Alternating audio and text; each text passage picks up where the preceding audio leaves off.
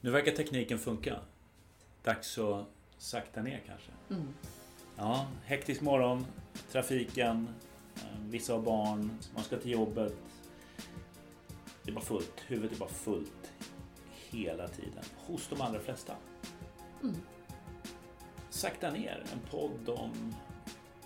Eller podd, samtal. Exakt. Eller hur?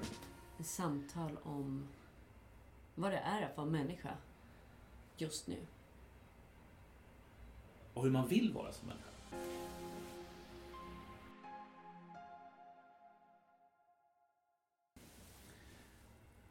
Sitter vi här igen? Ja. Another Tomorrows fina lokaler. Ja, de är fantastiska. Gott kaffe har de också. Mm, te. Och te. Ja, du har precis kommit hem från Rom. Ja. Lyxigt. Är så lyxigt. Det är första gången jag var i Rom. Och det är så... Ah, hon är en skönhet. Jag blev helt förförd. Och hänförd. Och hänförd. Ja, nej men det är fantastiskt. Eh, tror jag, liksom vacker och spännande och historierik och jäkligt busy stad. Liksom. Vespornas stad. Mm. Jag upplevde även om det är sjukt mycket människor och det är fullt med aktivitet, så upplever jag ändå den här signifikanta skillnaden mot men, Stockholm och liksom här uppe i, i norra Europa där vi, vi skyndar på med något lite mer frenetiskt i blicken. Det är som att det är en lite annan eh, energifrekvens Mhm. när vi kommer till Sydeuropa. Det är så här, de har bråttom och de kör och det tutar och så vidare. Men det är också som att det är ett sätt att vara. Det där är intressant. Jag har ju spenderat ganska mycket tid i Italien. Mm. Ehm, Har de bråttom eller är de bara passionerade? Mm. Jag tror att det är... För jag upplever egentligen inte att de har så bråttom utan det är liksom varenda grej de gör så... Eller många grejer de gör så finns det en viss passion i det. Finns en passion i att prata och, och ha möten och köra bil och köra vespa och äta mat. Och jag gillar det. Mm, jag också. Det finns en... eh, De är ganska totala i det de gör. Och jag upplever den här intensiteten som kommer med närvaro. Och den är... Den är fantastisk. Och eftersom du har så mycket historiens vingslag också när du går runt i Rom, överallt, så är det här så... Det är så tydligt, det går att ta på. Och framför allt alla tempel och liksom alla forum som, har liksom, som byggdes en gång i tiden för att människor skulle komma, komma samman och diskutera och sitta ner. Och, ja, men som vi var på ett romerskt bad. Romerskt bad var ju någonting för romarna för att också träffas och skvallra och Mm. hålla sig ajour och så vidare. Och det där, det märker man. Vem man än pratar med så fanns det en, så här, en tydlig, eh, ett tydligt varande. De var närvarande där vi var och de var väldigt, som du säger, passionerade. Mm. Det var så här, du sitter på en restaurang och du ska liksom beställa in och de rekommenderar och de, de går verkligen igång på menyn Mm. oavsett hur många gånger de har rekommenderat den här Mm. maten för andra så kändes det nästan som att det var första gången. Mm. Lite beginners mind kanske. Mm. Ja, men det är coolt. Ja. Nej, jag gillar det. Lite avis. Det var inte så länge sedan jag var där, men lite avis. Men Du har ju varit lite mer på landsbygden också. Ja, Berätta, känner du, upplever men det är ju samma sak. Jag menar, inte, alltså, det är ju... ehm, det är passionen. Det är, det är den som, som jag älskar med Italien. Lika mycket som landskapet och, och maten och, och, och språket och, och så vidare. Tänk om någon ville lära mig italienska. Eh, det hade varit coolt. Jag har alltid velat kunna prata italienska men aldrig riktigt fått ro och sätta mig ner och lyssna på något. Du vet så här, ladda ner en podd och lära mig italienska. Jag har inte tillräckligt mycket koncentrationsspann för det. Men om någon skulle bara vilja lära mig då tar jag tacksamt emot för alla er som lyssnar. Okej, vad, vad är det som saknas? Är det passionen? Nej, absolut inte. Nej, men det är bara jag har ju ett otroligt kort koncentrationsspann. Det är inte så att jag inte är uthållig, för det är jag ju. Ehm, Jag har en ganska stor uthållighet. Men det är just ett, ett, ett kortare koncentrationsspann. Jag vet inte vad det har med att göra, men liksom, jag kan inte sitta still i ett möte i flera timmar. Jag måste ju upp och röra mig. Eller, eller så måste det ju vara ett ämne som gör mig passionerad på något sätt. Men det, nej, men det, så det, det är väl därför. Liksom. Jag, ehm, ut, uthållig men, men liksom det, det behöver röra på sig lite grann. Kan Mm. säga. Det finns ju olika sätt. Ett sätt är ju Duolingo. Där är det väldigt eh, bite sizes, eh, Ja. modernt. Ett annat sätt är ju att integrera lärande med upplevelse. Det kanske Det är så där att du ska åka. jag. Och vi gör inte reklam för Biolingo här. Vi har inget samarbete. Nej. Så, Men så vi Peter. Men, eh, vi var inne på passion. ja, Och vi sitter ju här, vi har ju landat i, både du och jag, att det här med passion är att det ger otroligt mycket rikedom till våra liv. Vad tror du det är som gör passion möjligt? jag vet inte faktiskt. Jag, det ligger väl... Vad är det som möjliggör det? det? Jag vet inte om det har med kultur, uppfostran, arv, eh, arvsmassa eh, och annat att göra. Jag, jag, jag har nog svårt för det, men, men, eller svårt för att definiera vad det är som gör det möjligt. Men, men för mig så kanske är miljö, skulle jag nog säga en sak. Jag, jag tror att det till slut blir svårt att bli pensionerad om ingen annan är det runt omkring en. Liksom. Då, då dras man kanske med i, i den ehm, miljö man befinner sig i. Då. Men, men det är ju väldigt lätt att, att själv bli passionerad runt passionerade människor. Ehm, och det betyder väl kultur kanske Mm. på något sätt. Ehm, men också få, att, att, att få vara passionerad. Att, att få vara luststyrd. Att få uttrycka sitt innersta på, på vilket sätt man än vill. På något sätt. Jag menar, jag, om man, nu ska vi inte älta Italien, men jag, jag kommer ihåg när jag jobbat där, man har sett att i möten med italienare så tänker jag bara så här, nej det här kommer att sluta illa. Ehm, för att det blir högre och högre ton och, och det fläktas med armarna. Eh, men sen när mötet är slut så kramas man och pussas på kinder och så vidare. och Så går man vidare och så kan man ehm, gå ut och ta en kaffe eller ett glas vin. Och det... Igen, alltså det, det, det är omgivningen tror jag som, som styr väldigt mycket och var man befinner sig och vilka människor man, man har runt omkring sig. Och där, där tror jag väl också att ju mer man tycker om varandra och, och, och så vidare, ju mer utrymme finns det för passion och att man liksom förstår varandra. Långt svar. Mm, spännande.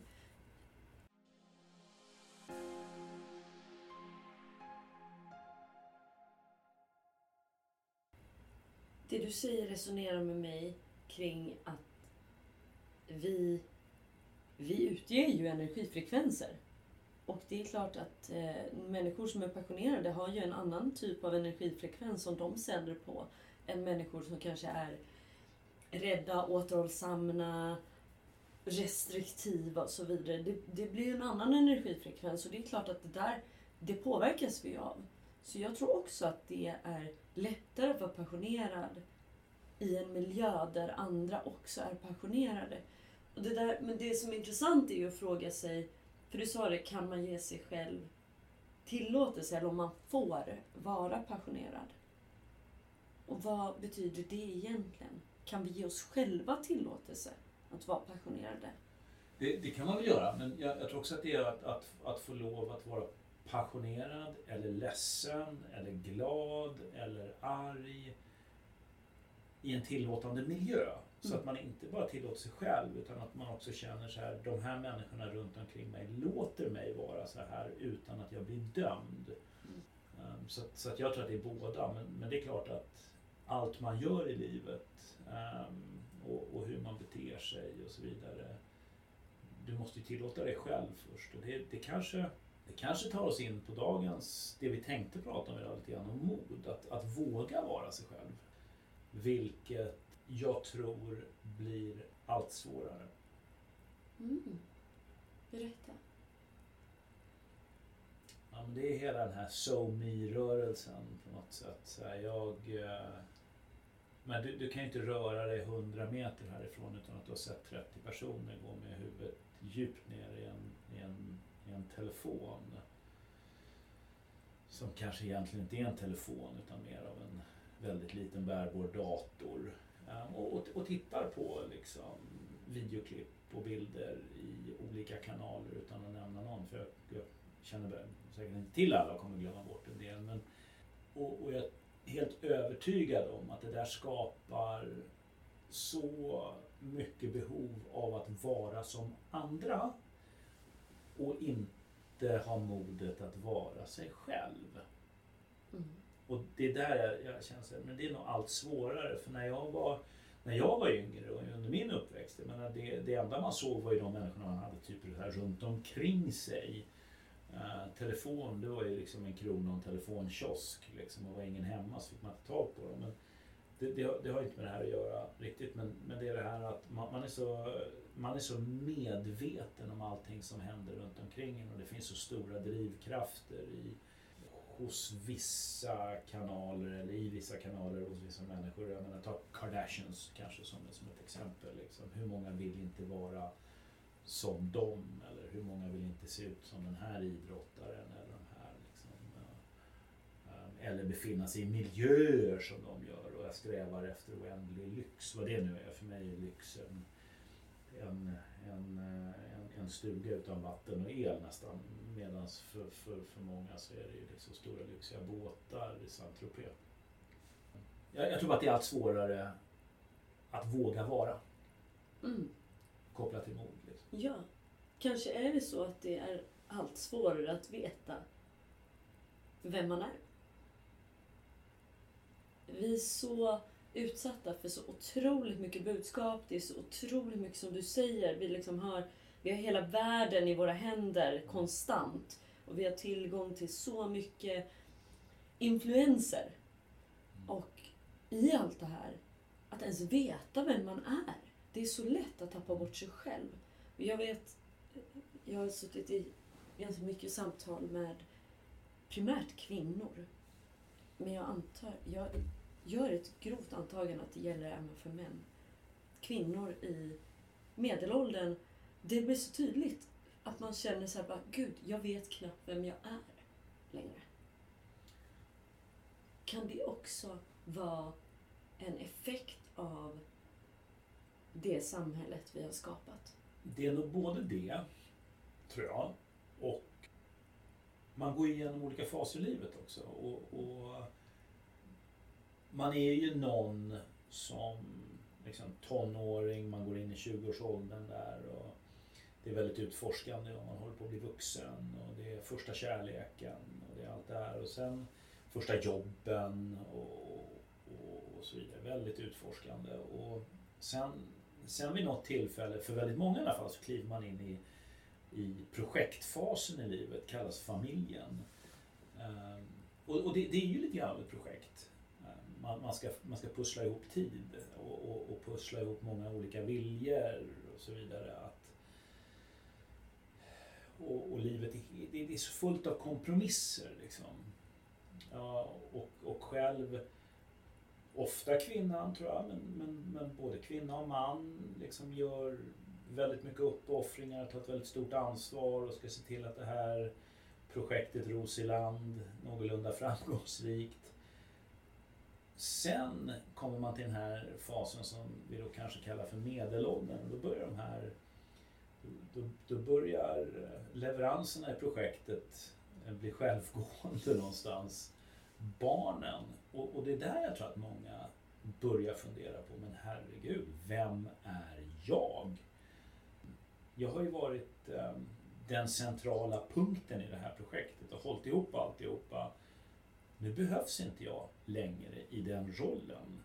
Det är ju, det är ju som att byta karriär eller sluta jobba eller någonting annat. Så här, vem är jag? Vad ska, vad ska jag nu göra? Eller vad ska vi två göra som är kvar här och barnen stora? Det, det är där jag tror att väldigt mycket av den känslan kommer. Så det, det, det, det är det här tredje skedet i livet någonstans. Att, mm. Jösses, en ny era. Och, och nu kommer den här friheten tillbaka som man hade när man var 20. Men men då hade man ju en helt annan utforskande inställning. Vi kanske behöver få tillbaka den och börja utforska igen. Men, och förhoppningsvis tillsammans med den man har gått igenom projektet med. Mm.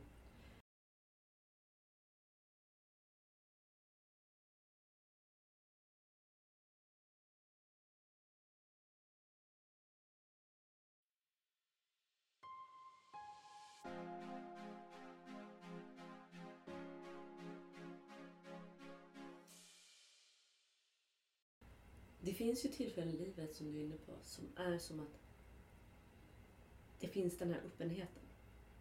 Det är liksom en möjlighet att faktiskt stanna upp och utforska. Vem är jag nu? Mm. För saken är att vi förändras ju. Jag har ett av mina favoritcitat är av Alan Watts. Där You have no obligation to be the same person as you were five minutes ago. Nej, så är det ju. Och om man då ser på det och så ser man på den här fasen du kallar liksom, ja, men tonårsfasen. Där det rent evolutionsmässigt liksom, är ett sökande. Man är i en, i en utforskande fas. Hitta sig själv i en kontext där man frigör sig från sina föräldrar och liksom från, det, från det man hittills liksom har känt som trygghet och så vidare. Och den öppenheten finns väldigt väl invävt i samhällsstrukturen där människor uppmuntras att utforska de här sakerna. Och det är, man ska göra olika val med inriktningar och hitta vägar liksom, och ta sig fram. Och de dörrarna är, har ju blivit så otroligt många. Jämför, om vi jämför med liksom, när vi var yngre. Det var det lilla samhället man bodde i och de människorna man omgav sig med och det var de influenserna du hade. Nu har du hela världen som du kan inspireras och påverkas av. Mm. En otrolig öppenhet. Och det är kanske därför som det också är så lätt att man lite nästan hugger tag i en identitet och liksom blir, blir sitt jobb. Man blir, man blir en karaktär snarare än att man är bara en människa och bara är den man är. Vilket innebär att vi går in i de här rollerna och sen när det kommer till projektfamiljen som du pratar om. Det är så otroligt enkelt på ett sätt för att du har ansvar för dina barn, för en annan människa, för ett liv. Och det, förhoppningsvis så känner de flesta föräldrar den här villkorslösa kärleken som bär dem igenom det här. Och det blir uppoffringar men det känns inte som uppoffringar för just där och då så känns det också som att det är helhjärtad passion i det. Mm. Sen kommer den där öppenheten lite tillbaka. Och då är frågan, kan vi hantera den? Kan vi hantera ovissheten? Kan vi hantera känslan av identitetslöshet? Att inte ha en titel, en roll, en funktion, en öppenhet helt enkelt. Det, det tror jag nog, men det krävs ju mod. Um, tror jag. Och, och, det krävs uthållighet, ödmjukhet, ödmjukhet till en förändring inte minst. Um, så att all is possible tror jag. Och det kommer ju också krävas där lite grann beroende på vad man vill i livet. Mod att hålla ut. I alla situationer. Liksom, det spelar ingen roll om det är att man liksom lämnar projektet och jobb eller man vill göra en andra förändring. Det är mod att hålla kvar, mod att hålla ut. Um, ja, den är svår. Mod, mod är så mycket mer än bara just um, runt det där. Det finns så många andra stora förändringar. Men, men jag tror att om man ska simplifiera det lite grann i alla fall. All förändring kräver mod. Tror jag. Oaktat vad det är. Jag, jag tror att alla vill ha förändring på ett eller annat sätt. Alla är öppna för förändring.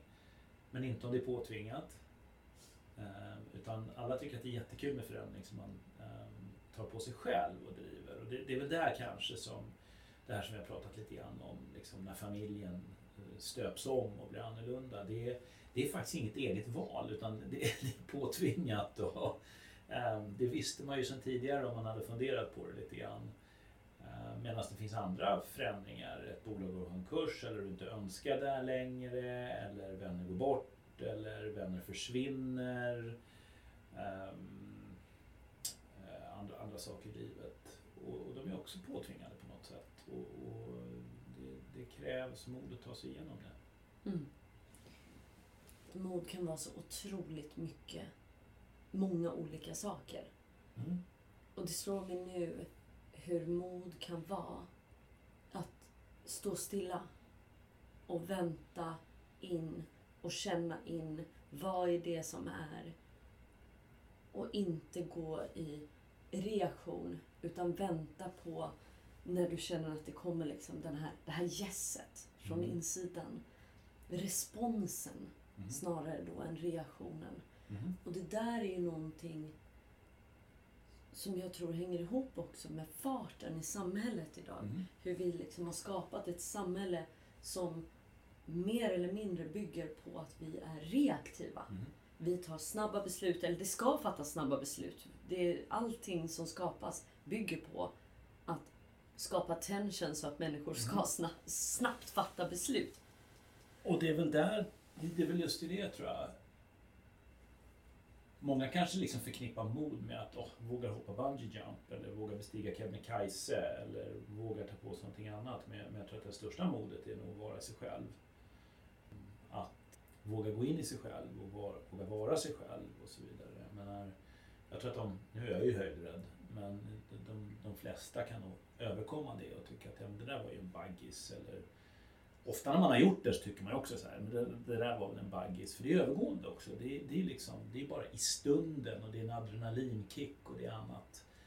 Eh, tror jag. Eller det är en så här tick in the box och fasken nu har vi gjort det. Nu har jag liksom, cyklat till Paris eller jag, jag vet inte. Men, men att, att, att stanna och vara i sig själv och vara ärlig mot sig själv och vara ärlig mot andra.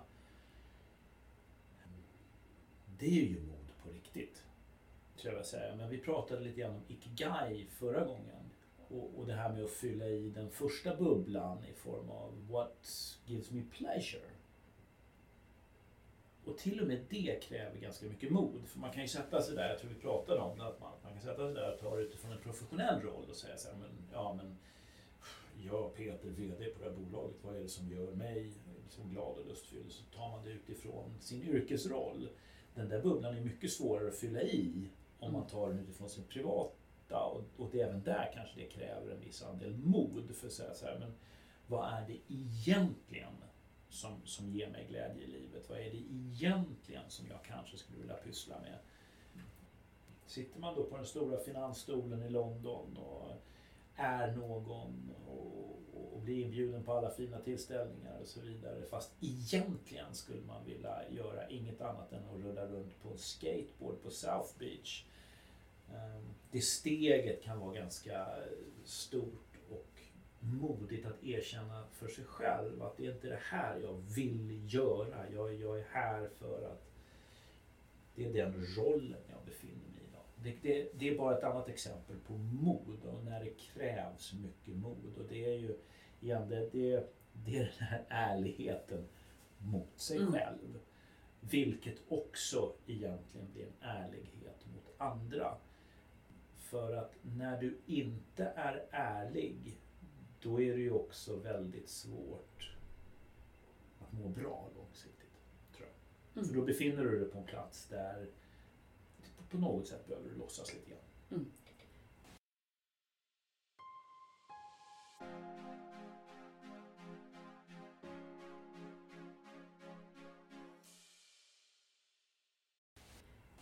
Det finns ju en ganska utbredd längtan efter sann samhörighet och tillhörighet. Och eh, för mig så hänger de här delarna ihop med att vara sig själv och vara sann, ärlig.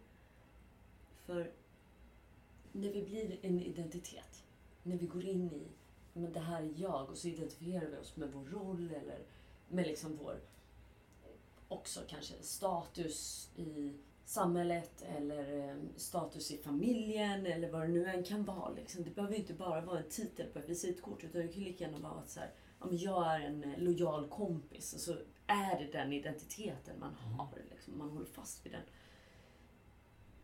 Så är det så lätt att vi blir vår identitet och vi lever upp till den här rollen som vi tänker att, liksom att som är förknippat med den här rollen som vi vill fylla. Mm.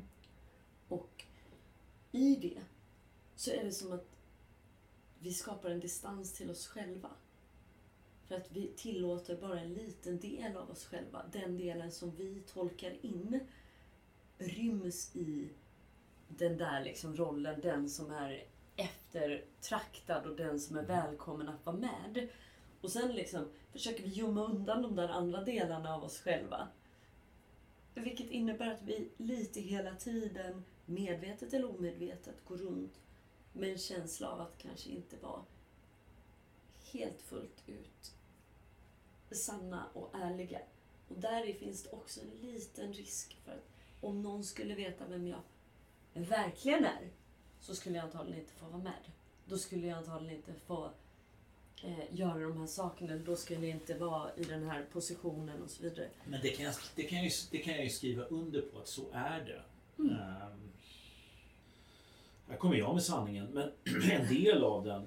Men jag kommer ju från väldigt seniora roller i ganska stora bolag. Och människor som svarade väldigt fort i telefonen när jag hade de rollerna. Eller var väldigt öppna till att träffas. Ehm, eller gärna bjöd in till olika tillställningar och så vidare. Det kan jag ju säga, det är inte ens alla av dem som svarar telefon idag. Och, och nej, det kanske inte är konstigt. Men det är väldigt lätt att tro när man sitter i den där rollen som VD eller någon annanstans i en ledningsgrupp eller man är en, en profil av något slag i näringslivet. Att det är jag. Mm. Att, att så här kommer det alltid att vara. Och, och till kanske alla er där ute. När ni lämnar den här rollen och går till någonting som är långt därifrån. Så, som jag har gjort idag. Då, då blir man ganska osynlig. Ehm, och man blir inte lika eftertraktad att finnas med i vissa sammanhang. Och vissa människor kommer finnas kvar då, som tycker om det som person. Det är någonting som jag tror är viktigt att ha med sig just i det här att man är någonting här och man är någonting där. Och med det, det här ska inte vara avskräckande på något sätt, men det krävs mod att förändra och många av de saker som du tyckte var lite roliga förr, de, de blir man inte inbjuden till idag eller de kontakterna har man inte idag. Och, och, det är någonting man bara får slicka i sig i det här.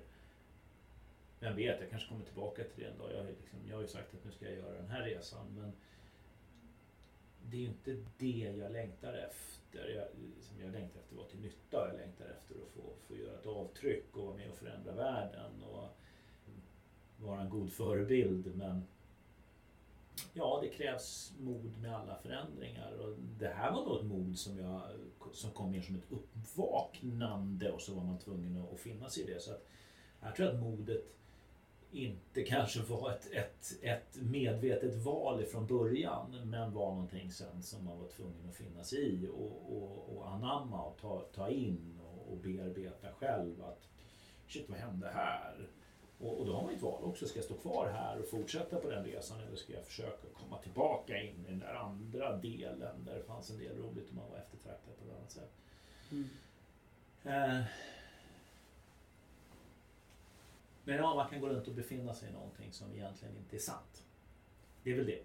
Ja, och kanske spelar det inte så stor roll vad vi gör i slutändan. Utan att det snarare handlar om hur vi gör det. Och där kommer vi tillbaka till det här med passion och hur mod egentligen är en förutsättning för att leva med passion. För för mig är passion att vara total. Passion behöver inte vara att man bara är den här uppslukade, passionerade, glada eh, personen. Att vara passionerad kan också vara att känna allt. Mhm. Att liksom verkligen tillåta både ledsenhet och sorg såväl som kärlek, som extas, som uppgivenhet. Det är att egentligen välkomna spektrat av Mhm. vad det är att vara människa. Absolut. Och att göra det betyder ju att du behöver befinna dig i situationer som är utanför din comfort zone. Jag tänker att vi har skapat vår egen eh, comfort zone där vi har målat upp våra egna gränsdragningar för vad som är tryggt och vad som är säkert. Och om jag är sån här så då är jag välkommen om jag har den här titeln eller om jag beter mig på det här sättet och om jag är lagom och så vidare. Mhm. Så att första steget då att vara sig själv kan ju också vara att gå inåt och inse så här, okej, vad är det egentligen för box jag har skapat för mig själv? Och är det egentligen, är det jag? Eller är det en påverkan som jag har tolkat in av signaler från världen och saker jag liksom redan från barndomen har tagit med mig och lärt mig att om jag är tillmötesgående, flexibel, om jag är sån här, då, då är jag omtyckt. Då blir jag välkommen, då, då får jag vara med. Vilket är lika ställt då för ett barn med att du överlever. Mm.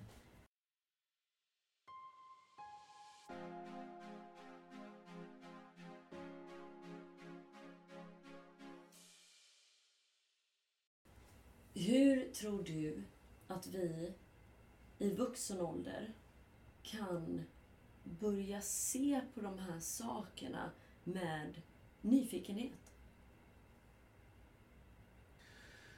Vad svårt. Jag, jag tror att nyfikenhet är en livslång lära på något sätt.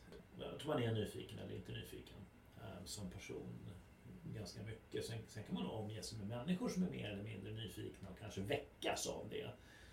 Eh, jag tror inte man läser sig till nyfikenhet. Det, är- det är ungefär som jag brukar säga när jag liksom under, under många år när jag anställt mycket människor. Det säger jag,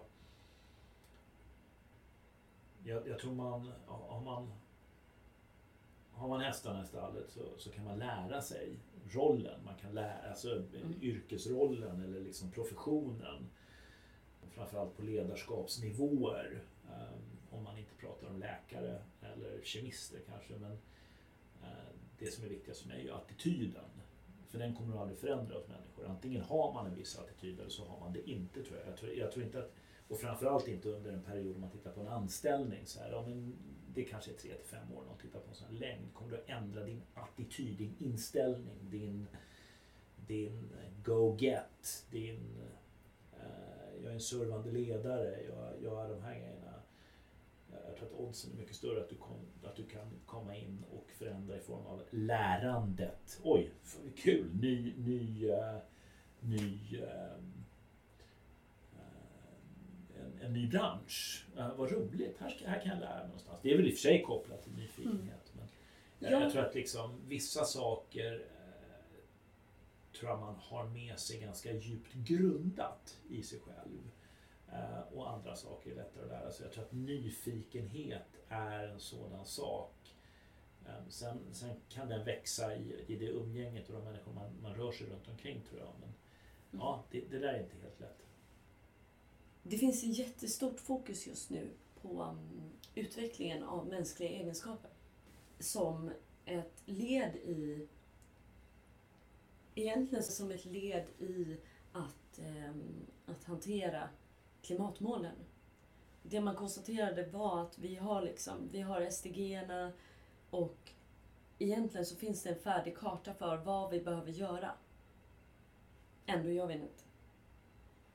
Och det sattes då ihop några av världens mest framstående liksom, forskare. De här människorna träffas och tar fram ett ramverk för vilka vi människor behöver bli för att vi ska kunna uppnå SDG. För det som styr är egentligen de mänskliga egenskaperna, Ja, precis som vi pratar om. Och att fostra de här mänskliga egenskaperna skulle indirekt behöva vara mänsklighetens fokus just nu. För att vi skall uppnå ja, men, hållbarhetsmålen. För att vi egentligen ska börja leva på ett sätt som är hållbart. Mhm. Och där är det ju attityder.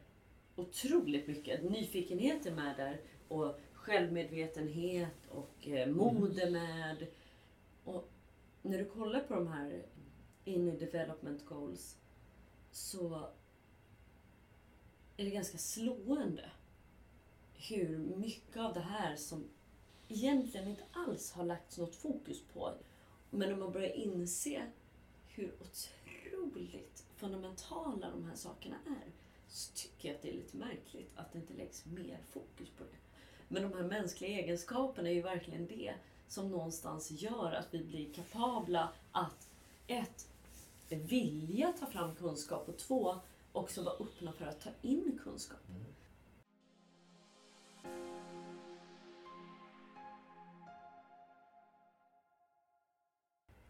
Jag tror bara grejen är att vi, vi, vi som människor, nästan alla, är väl medvetna om motorvägen mot helvetet som vi är på vad det kommer till just klimatet. Man är medveten om det. Sen är det ett antal saker där som gör att vi inte agerar för säkerställa att motorvägen smalnar av till en härlig liten grusväg. Det här att vi inte agerar. Vad tror du att det handlar om? Rädsla att ställa om. En rädsla att ge upp saker som vi tycker om att göra.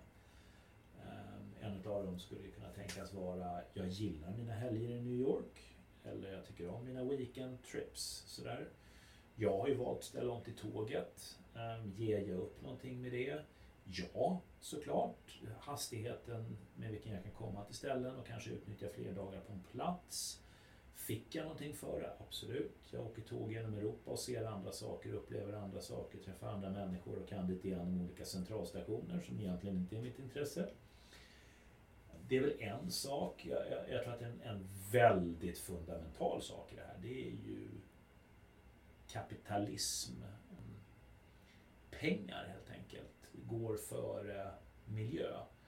Eh, och det, det här tror jag inte jag ska gå in på i någon större detalj men det är ju i, i min yrkesroll både då och nu så, så, så träffar jag ju på just det. Liksom, vad är viktigast? En emissionsfri leverans av någonting som är e-handlat eller marginalen um, av vad det kostar att leverera.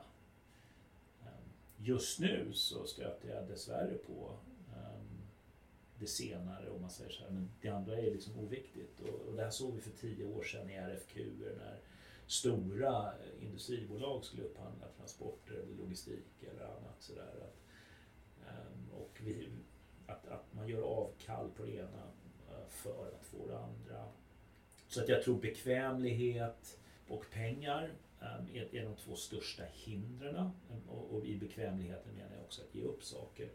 Sen är det ganska intressant med kommande generation och, och, och, jag har ju någonstans naivt levt i tron att mina barn kommer att göra annorlunda än vad jag gjorde och resa världen runt och på det sättet som jag har gjort. Jag kan ju skylla på att jag inte visste bättre, men jag kanske borde ha vetat bättre, men, men det var aldrig min, det, det, det, det rörde sig inte i mitt huvud. Men nu kommer det andra försvaret säga så men ni gjorde ju det, nu är det vår tur. Mm. Ja, det är klart ni också måste se världen, men kan vi inte göra det på ett annat sätt? Jag menar, jag, jag kommer fortfarande vilja åka till kanske Sydafrika eller någon annanstans igen, men, men gör det på ett annat sätt än vad jag gjort tidigare. Mer längre perioder eller göra någonting annat för att och kanske bara göra just den resan eller någonting annat över liksom en, en period för att ta ett större ansvar för mina utsläpp eller mina, min påverkan på miljön och så vidare. Och, och det där igen, alltså det kräver ju mod. Liksom, hur mycket pengar ska vi tjäna? When, when is it enough? Hur svårt är det egentligen att ställa om och göra saker lite annorlunda? Um, många flygbolag brottas med att liksom kunna finnas kvar. kanske inte ska finnas kvar då. Det kanske inte finns tillräckligt mycket trafik för att det ska finnas så många flygbolag som det finns idag. Jag, jag vet inte liksom. Men, men, även där, det måste bli dyrare. Det, det är som, ja, vi går inte runt och vi, vi, vi, vi fightas prismässigt. Och, och, gör det dyrare då. Alltså, man måste ju börja betala för konsekvenserna av det vi pysslar med. Jag, menar, jag var på ett seminarium igår eller på en lunch, ett, ett lunchmingel eh, där man pratade om att det finns ingen lönsamhet i hemleverans av mat. Nej men gör det lönsamt då. Gör det lönsamt. Vill du ha liksom hemlevererad mat, det förstår ju alla liksom, att det måste kosta pengar någonstans. Jag svävar ut, men det är liksom det är ekonomiska och bekvämlighetshinder som står tror jag, som en stor del ifrån oss att nå klimatmål. Mm. Det här, jag tror att vi kommer behöva ha en, ett helt eget avsnitt om de här delarna som också kopplar till omställning och svårigheter, det vill säga förändring och kopplade med signalsubstansen dopamin som eh, är en otroligt, otroligt stark eh, kick för oss människor som vi, väldigt många har fastnat i. Det där blir lite ett hinder när vi ska ställa om för det vi kommer att uppleva på kort sikt vid en omställning är att mycket av den här lyckan tas ifrån oss. Vilket egentligen bara är de här korta, korta stunderna av dopamintillförsel mm. som vi har vant oss vid. Och saken är att när vi vänjer oss av med det så kommer det vara en period av avvänjning. Och sen så kommer det helt plötsligt öppna upp andra saker för oss. Och jag tror att det är där de här andra möjligheterna öppnas upp där upplever vi inte att det är svårt. Att, att vi, då förstår vi helt plötsligt inte vad det är som egentligen är utmaningen. Varför Nej. är det ens svårt? Men när du är i det så är det utmanande, det kan till och med vara väldigt, väldigt smärtsamt. För det mm. kommer otroligt mycket saker upp till dig. Mm. Vilket jag tycker att det är spännande. Jag, äl jag älskar ju det där. Jag älskar ju att utmana mina comfort zones också för att det är där den här expansionen finns och det är där någonstans du öppnar upp för saker som du tidigare kanske inte ens har varit medveten om att du själv har begränsat dig med. Mm. Men dopamin, resor, transporter och jag då som kommer från en bakgrund i modebranschen har ju en hel del att gå in på där. Så, men nu så tänker jag det här modet som egentligen krävs, att ens ett, våga erkänna för sig själv att ja, jag ser motorvägen. Ja, jag vet att jag som individ har ett ansvar. Och se sig själv i spegeln och erkänna för sig själv att nej, jag gör inte allt det som jag egentligen är förmögen och har möjlighet att göra mm. för att ställa om. Och det kanske kan vara första steget. Modet att erkänna för sig själv att jag är en del i det här. Jag är en del i den här situationen. Och i det så kanske modet sen kan komma att hitta den här kraften i att börja liksom se till sig själv och vem man faktiskt vill vara. Absolut.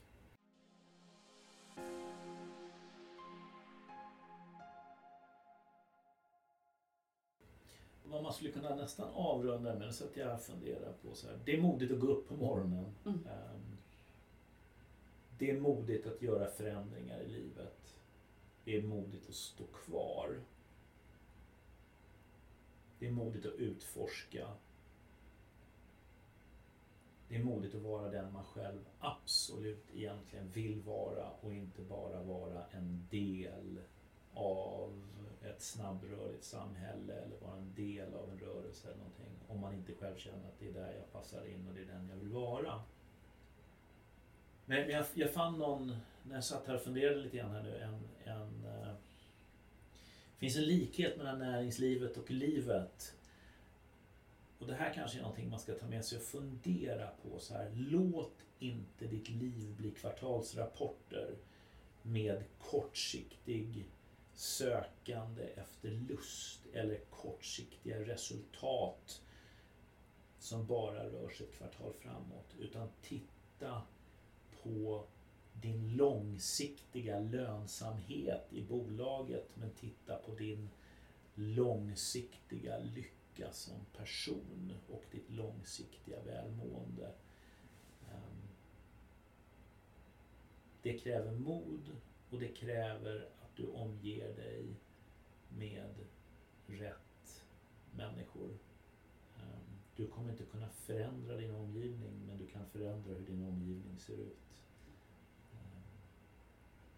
Mm, kan avsluta med ett citat från sufi-poeten Rumi som säger Yesterday I was clever so I tried to change the world. Today I'm wise so I change myself. Bra! Mm. Ska vi säga så? Mm, det gör vi Peter. Tack för idag. Tack.